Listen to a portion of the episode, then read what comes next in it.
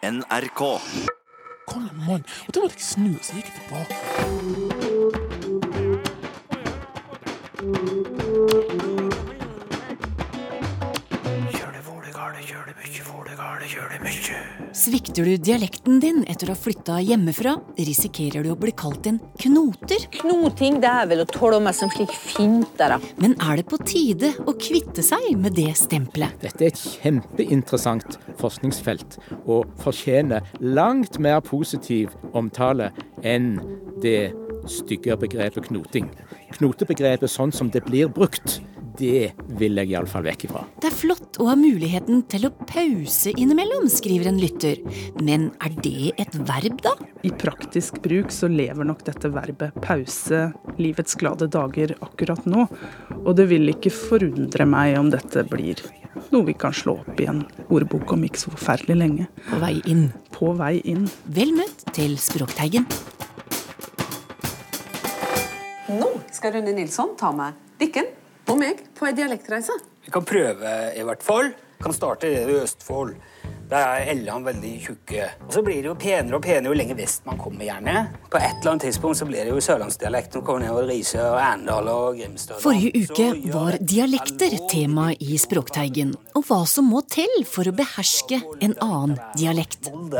Der kommer en ny knekk inn eh, fra Romsdalen. og Dette blir jo likere og likere til NRKs Rune Nilsson er en som tilsynelatende er flink til å beherske mange dialekter. har du altså ene foten i trøndelagsdialekt og den andre foten i nordlandsdialekt. Vi fikk altså et lytterspørsmål om det er fonetiske årsaker til at folk fra Nordfjord, som prøver å prate Oslo-lignende dialekter, ikke får dette spesielt godt til. Sylfest Lomheim svarte at ja, både fonetiske og psykologiske årsaker.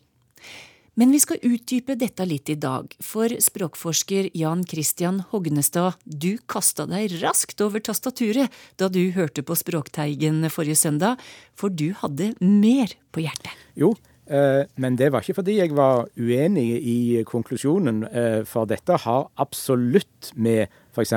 fonetikk å gjøre. Ja, og du har jo dette som spesialfelt. Hva er det med fonetikken som gjør det vanskelig?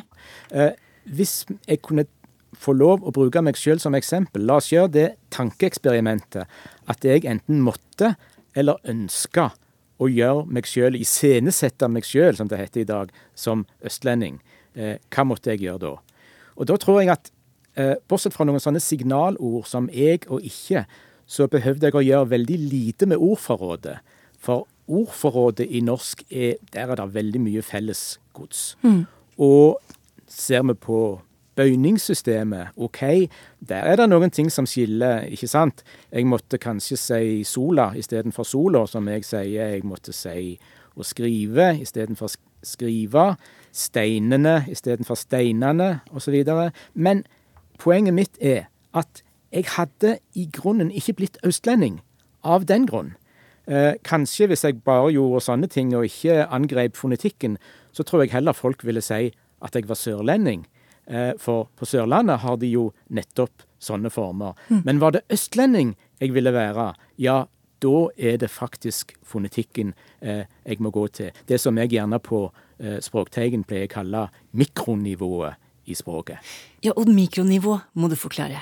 Ja, jeg som eh, rogalending måtte faktisk ha gjort en god del ting fonetisk. Jeg måtte ha skifta ut bløte konsonanter med harde og sagt eh, taket istedenfor taket. Eh, jeg måtte ha skifta ut den bakre r-en min med en framre r og sagt rik istedenfor rik. Og om jeg hadde vært fra Nordvestlandet og hatt en framre r i utgangspunktet, så hadde ikke den heller hørtes helt østnorske ut, vil jeg tro. Og så, ikke minst, måtte jeg eh, begynt å bruke sånne lyder som vi gjerne kaller retroflekser. Jeg måtte sagt ert og ærlig eh, og eh, sånne ting som det. Og så tror jeg det er én ting som nesten er viktigere enn alt. Fordi alt dette her måtte jeg ha pakka inn i østnorske toner. Det er mye musikk i språket, og det er jo virkelig noe som skiller vest og øst eh, i Norge. Sånn at istedenfor å si bilen, så måtte jeg kanskje sagt bilen. Eh, og det er så frekvent. Det gjennomsyrer hele språket. Så det tror jeg hadde vært en god idé hvis jeg hadde ønska å være østlending. Men dette er mye, og det er vanskelig. Og folk gjør jo ikke alt dette når de flytter fra vest til øst. Nei, de gjør jo ikke det. Og jeg hadde for all del helt sikkert ikke ønsket å gjøre det sjøl heller. Spørsmålet er om det hadde lurt seg inn noen østnorske trekk hvis jeg hadde flytta til Oslo f.eks. og bodd der i mange, mange år. Eh, og skulle jeg tippe, så ville jeg kanskje tro at det var det siste jeg sa, intonasjonen. At det var der det hadde sneket seg inn, enten jeg hadde bestemt at det skulle være sånn eller ikke, at det hadde sneket seg inn eh, litt østnorske toner eh, i språket mitt. Og der er det en artig ting som jeg fryktelig gjerne vil nevne. Og det er hvis lytterne etter programmet oppsøker faglitteratur, lærebøker f.eks., og leser om disse tingene, så vil de finne noe veldig rart. For i faglitteraturen så står det at jo da, mye kan endre seg i språket, men det er én ting som ikke endrer seg, og det er intonasjonen. For den møter vi så tidlig, og den blir så innprenta i oss at den vil vi bare beholde sånn som den er. Står der i faglitteraturen. Og så sier jeg, kjetter som jeg er, at når folk flytter fra landsdel til landsdel i Norge, så er intonasjonen noe av det som endrer seg først, faktisk. Og det tror jeg veldig mange, både i øst og vest, har intuisjoner om sjøl òg, ut ifra det de har hørt.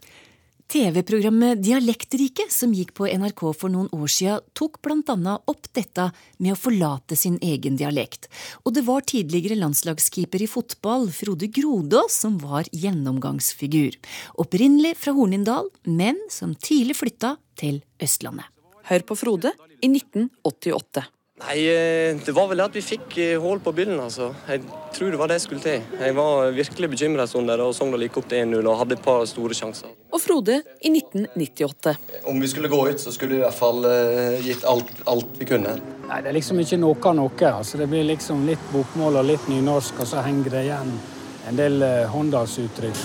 Nei, Det høres nå egentlig ut som han uh, har vrengt tunga si eller noe. Beveg dere litt så blir varme, vet du og høres ut som en østlending. Andre veien. Det er veldig tonefallet, da. Tonefallet. Tonefallet, det syns jeg er, det er katastrofalt. Altså. Nei, å snakke Frode-språket er ikke Det er ikke vanskelig å gjøre det. Men eh, det er jo bare å legge litt om på, eh, på tonefallet og, og, snakke litt sånn, putte inn litt eh, Både litt ord fra, fra Østlandet og, og god blanding, da. Jasmin Zaid var programleder i Dialektriket, og til slutt her så var det nevøen, Marius Grodås, som pratet det han kaller Frode-språket. Det høres vestlandsk ut for meg, for han har vestlandske ord, men det er altså melodien som blir feil her, da. Ja, det tror jeg det er, og der tror jeg at hans sambygdinger vurderer det annerledes enn du gjør, fordi at de får de østnorske tonene hans midt i fleisen. Og så er det de de hekter seg opp i og sier oi, oi, oi, oi, dette er ikke sånn som vi snakker hjemme hos oss. Så var det dette med psykologi. Er det et moment òg, og hva innebærer det i tilfelle? Ja, det tror jeg eh, er veldig viktig. Sånn, at, sånn sett er jeg enig med Sylfest fra forrige søndag. Fonetikk og psykologi er kjerneelementer her. Eh, og vi må nær sagt dele folk inn i de som virkelig tar på seg full pakke og prøver å legge om totalt, for noen gjør det. Så er det òg det motsatte. Jeg morer meg med å høre på òg venner av meg eh, som har bodd i Rogaland kanskje i 35 år, men som kommer fra Øst-Norge. Og du kan ikke høre i det hele tatt noe som er eh, rogalandsk. Alt er autentisk eh, østnorsk. Og så har du alle de som ligger midt imellom, og det er kanskje det mest normale og mest naturlige, nemlig at et litt omflakkende liv eh, preger også språket med noen trekk herfra og noen derfra. Eh, ingenting er mer naturlig enn det, men her tror jeg eh, individualpsykologien er med å styre veldig. Mm. Altså foregår endringene mer eller mindre bevisst, og Frode Grodås han opplevde det slik. Det, det var ikke noe noe just så tenkte bevisst på. For det første har jeg ikke, sikkert ikke vært så veldig opptatt av å holde på dialekten. Sånn at Det har ikke vært viktig. for at du har hatt Når du var her nede, så hadde du ett fokus, og det var å spille fotball og bli best mulig keeper. Og så er det nok en person eller den har en personlighet som, som gjør at du er sånn, kanskje litt lett påvirka. Syns du det er litt rart at de greier å henge seg så mye opp i bare en slik språklig greie? Det er jo ikke er det det Ja. som er viktig her i livet? Nei, det er jeg for så vidt enig med deg. Det er vel en av grunnene til at jeg ikke har greit å holde på dialekten. Det er jo at eh, det har ikke vært viktig nok. Men for å så klare å holde på dialekten din, så må du være veldig bevisst. Må du ikke det? Eh, det hjelper sikkert å være bevisst, men eh, jeg har snakka med noen av de som eh, høres autentiske ut etter 35 år, som jeg sa i stad. Ja. Eh, Og noen av de sier nei, jeg, det, har bare blitt, det har bare blitt sånn. Det må være jeg som bare er sånn.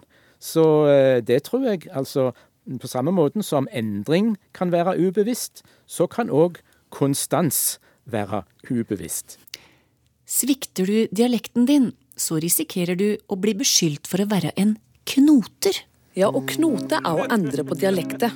Og det å være en knoter er ingen hederstittel. Men for å skjønne hvorfor trenger vi en aldri så liten historietime. For Hvor kommer dette ordet knote ifra? Vi må tilbake oss til 1600-tallet, da ordet knote ble brukt om å pynte på ting. Helst språket. Norge var i union med Danmark. Iverklassen snakka dansk, og bøndene de snakka dialekt. Og knote ble først bruka om når folk, altså bonden, prøver å snakke dansk for å heve statusen sin. Dette førte til at han mista respekt i bygda, for de mener han gjorde seg bedre hele deg. Og knote var altså ekstremt upopulært, og ble sett på som et svik mot heimstaden. Slik presenterte Dialektriket bakgrunnen for knotebegrepet. Men hvorfor sitter dette fortsatt så djupt i oss, eh, Jan Christian? Kan det ha noe å gjøre med at eh, det norske samfunnet inntil nylig var veldig mye mer stabilt? Folk var mye mer per bufast, og det var ikke så vanlig at folk eh, flytta rundt. Eh, jeg tror at en sånn type samfunn eh, kan skape sånne knoteholdninger som jeg som lingvist jo veldig gjerne vil komme til livs. Hvorfor det? Jo, eh, for meg er jo dette utelukkende interessant. Og ser du på språkvitenskapen i dag, så er den kan vi si, internasjonalt veldig opptatt av språkkontakt. Hva skjer når to språk møtes oppe i hodet på en person? Og i Norge så er jo også det et veldig aktuelt uh, sujett.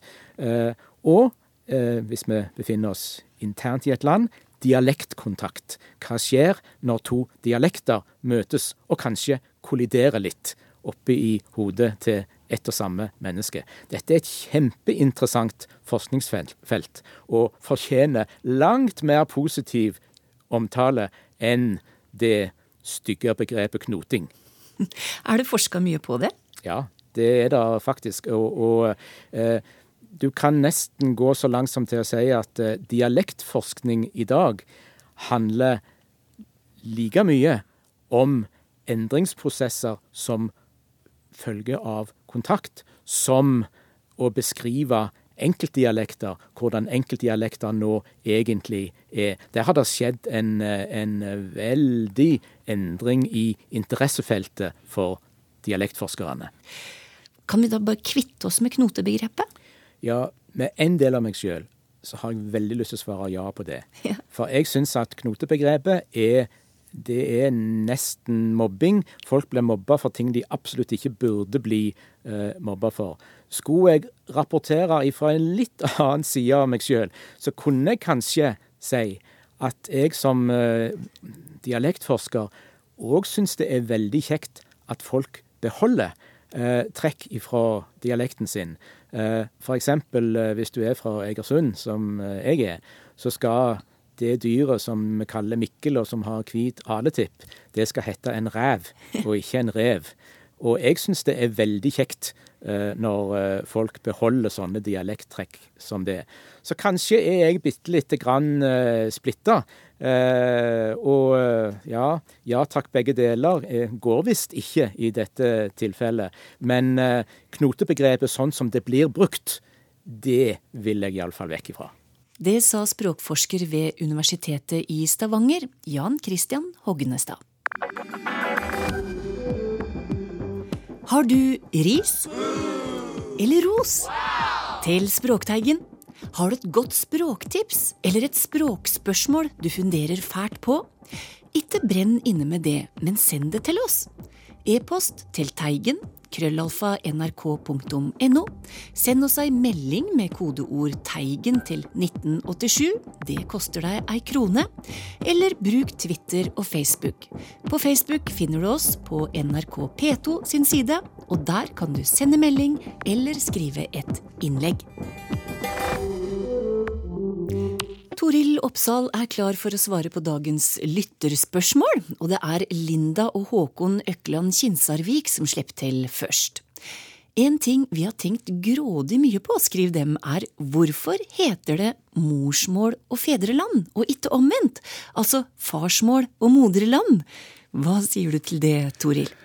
Eh, morsmål heter det fordi at dette her er knytta veldig konkret til hvordan vi lærer språk. Og det er de aller første nære omsorgspersonene som er avgjørende her. Og det er her et barn henter input til sin språklæring. Og tradisjonelt, og tidvis kan vi vel si også av nødvendighet, så er det mor som har hatt den aller første og sterkeste tilknytningen til barnet som nyfødt. Og i den nærmeste perioden etter fødselen og dermed også får dette startskuddet for språkinnlæring.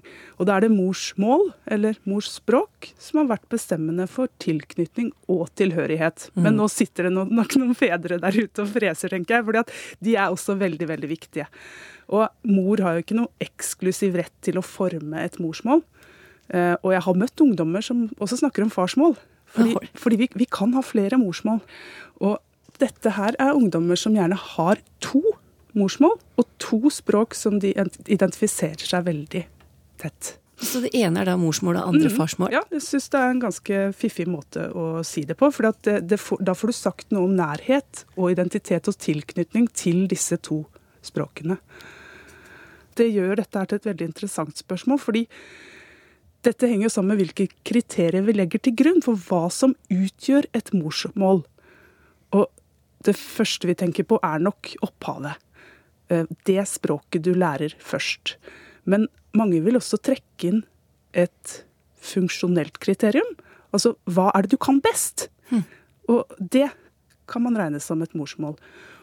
Og identitet er uhyre viktig. Både hva du selv regner som ditt morsmål, og så kan du også risikere at andre identifiserer deg med et morsmål. Så dette her er ikke så enkelt.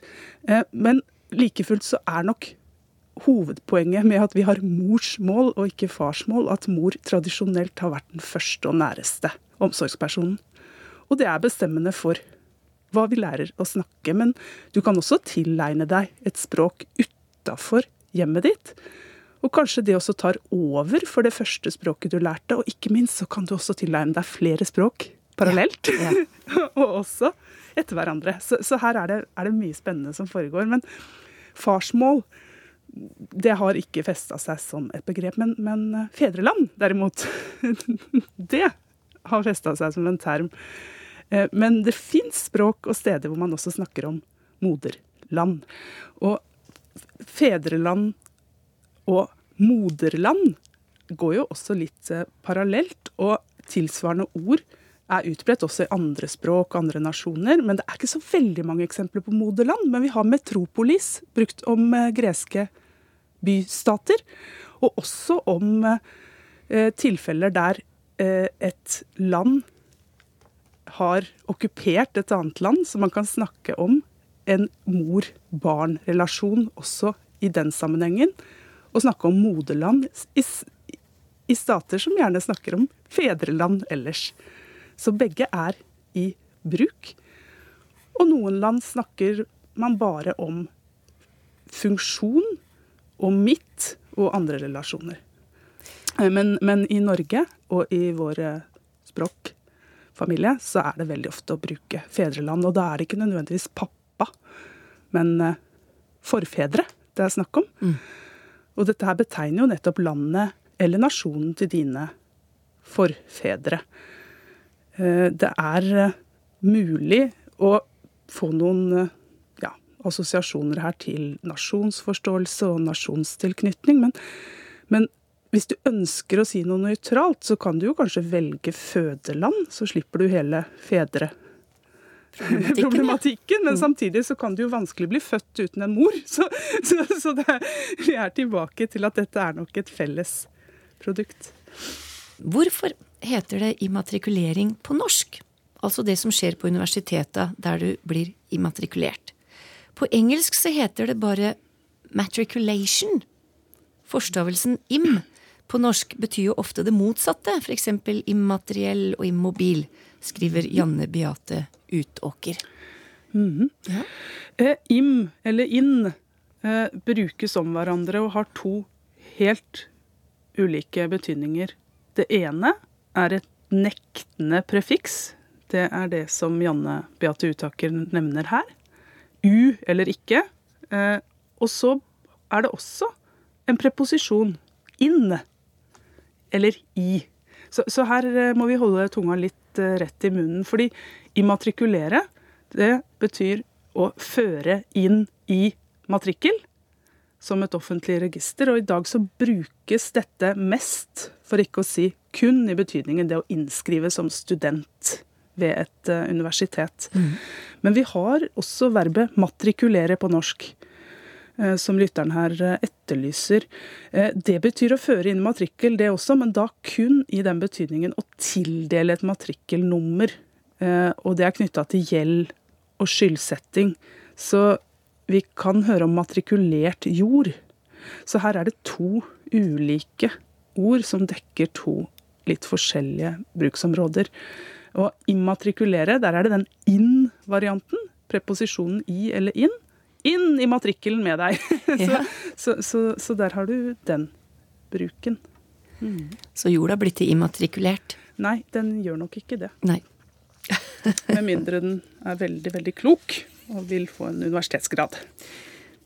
Er å pause blitt et nytt norsk verb, spør Unn Simonsen. Hun viser til at hun har fått beskjed om at det ikke lenger er mulig å pause medlemskapet sitt i bokklubben hun er med i. Og det syns jeg var et eh, underlig, en underlig bruk av ordet pause. Dette her er jo artig. Eh, Unn Simonsen spør om dette er et nytt verb. Og eh, svaret er ja, men også nei. Fordi vi har faktisk et eldre verb, å pause, som bl.a. Hans Ross og noen dialektkilder fra Telemark nevner. Det kan vi lese i Norsk ordbok. Det er å pause i betydningen å proppe i seg mat og storspise. Ja, Men det er nok ikke det verbet Unn Simonsen spør om. Fordi dette her er et verb som er danna på bakgrunn av substantivet én pause, som er en stans eller et midlertidig opphold. Og det verbet står, etter det jeg kan se, foreløpig ikke i håndordbøkene våre. Eh, Og jeg finner heller ikke så mange eksempler på dette i eldre eller relativt sett nyere litteratur. Eh, Jeg finner det i en bok om improvisasjonsteater, så kanskje, kanskje det har en spesiell eh, betydning der. Men, men dersom du går ut på det store nettet, så ser vi at dette er et verb som er relativt flittig i bruk. Eh, Vi har Unn Simonsens eksempel med å pause et abonnement. Man kan pause reisekort. Man kan pause levering av matkasser, som jeg skjønner at mange er opptatt av. Man kan pause opptak av en forelesning. Og man kan Ja, det er, det er veldig mange ting som man kan pause, ser det ut til. Og eh, dette er en veldig enkel og likefram måte å danne et verb på. Ta utgangspunkt i dette substantivet, og så får vi litt drahjelp igjen, da. Fra, fra vår venn engelsk, eh, der eh, dette verbet to pause lever i beste velgående. Eh, Dersom vi skulle forholde oss til det faktum at det ikke står som et verb i alle ordbøker, så må vi bygge ut en frase på norsk. Vi kan ta en pause eller gjøre et opphold for å uttrykke det samme. Men eh, må og må. altså, her er det kanskje mer presist å si at i praktisk bruk så lever nok dette verbet pause livets glade dager akkurat nå. Og det vil ikke forundre meg om dette blir noe vi kan slå opp i en ordbok om ikke så forferdelig lenge. Mm, på vei inn. På vei inn. Uttrykket 'å ta til tårene', hva innebærer egentlig det, spør Anne Katrine Settem. For hun så det, står det for henne som at en bruker viljestyrte, falske krokodilletårer for å oppnå medlidenhet når en tar til tårene. Hun ville oppfatte det som respektløst dersom noen omtalte gråt i alvorlige situasjoner ved å si at noen tok til tårene. Hva sier du til det, Toril? Jeg syns dette var et veldig spennende spørsmål fra Anne Katrine Settem. Fordi eh, jeg har, jeg har overhodet ikke tenkt på denne problemstillingen. Jeg har prøvd å lete eh, også, og jeg har dessverre ikke klart å finne noen kilder som tilsier at dette nødvendigvis er viljestyrt. Eh, for det første så står det i de aller fleste ordbøker rett og slett forklart med 'begynne å gråte'. Og det å begynne å gråte, det kan jo skje både av et indre driv eller av ytre påkjenninger. Og jeg har gått gjennom en del tilfeller, og det går an å tolke inn en grad av viljestyring i mange tilfeller, men slett ikke alle. Så vi kan ikke generalisere og si at det å ta til tårene er viljestyrt. Eh, to helt konkrete eksempler er, er situasjoner som ligner hverandre, men er helt ulike. Eh, her er det fra uh, avisoverskrifter. Den ene er 'tok til tårene etter å ha forbedret egen rekord i kulestøt'. Her er det en som er lykkelig. Ja. og ikke lenge etter så kan vi lese 'tok til tårene etter at NM-gullet glapp'. Mm. Eh, og her er det ikke en spesielt lykkelig situasjon. Så, så, her er det helt ulike kontekster der man tar til tårene. Eh, og begge kan vanskelig tolkes som viljesstyrte. Og tar man lett til tårene, så gråter man jo for den aller minste ting. Og det er ikke nødvendigvis noe man ønsker å gjøre. Eh, og det er det jo folk som diskuterer også. Jeg tar så lett til tårene, hva kan jeg gjøre med det? Så dette kan være trist. Eh, og jeg tror jeg kan trøste lytteren her med at det ikke er respektløst dersom noen bruker uttrykket 'å ta til tårene'. Og det ble siste svar i dag, det fra Toril Oppsal. Takk for følget i dagens Språkteigen. Vi høres om ei uke.